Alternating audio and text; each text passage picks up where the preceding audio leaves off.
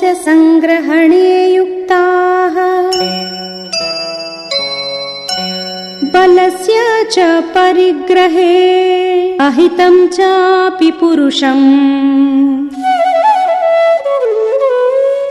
न विहिं स्युरदूषकम्